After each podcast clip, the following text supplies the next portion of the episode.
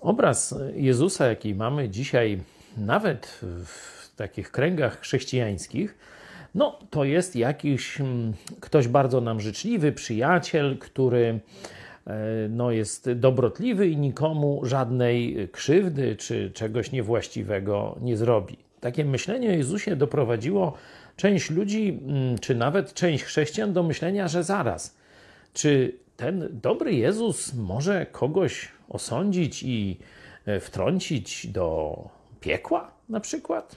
Czy to możliwe?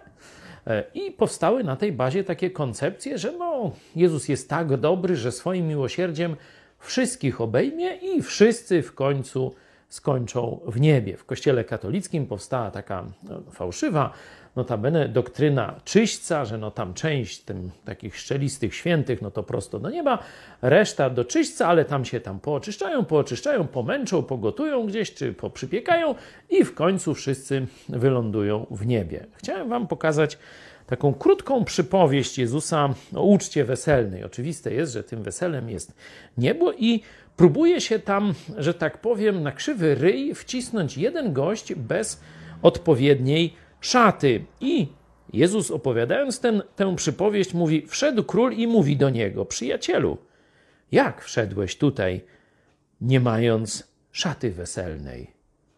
A on posrał się w pory.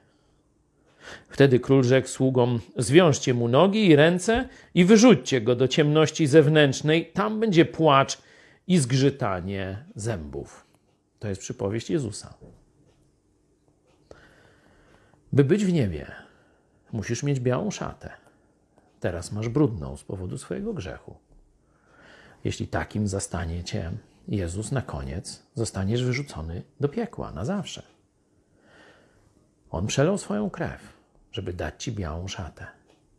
Ale musisz do niego zawołać: Jezu, obmyj mnie. Jezu, daj mi nową szatę, nowe życie.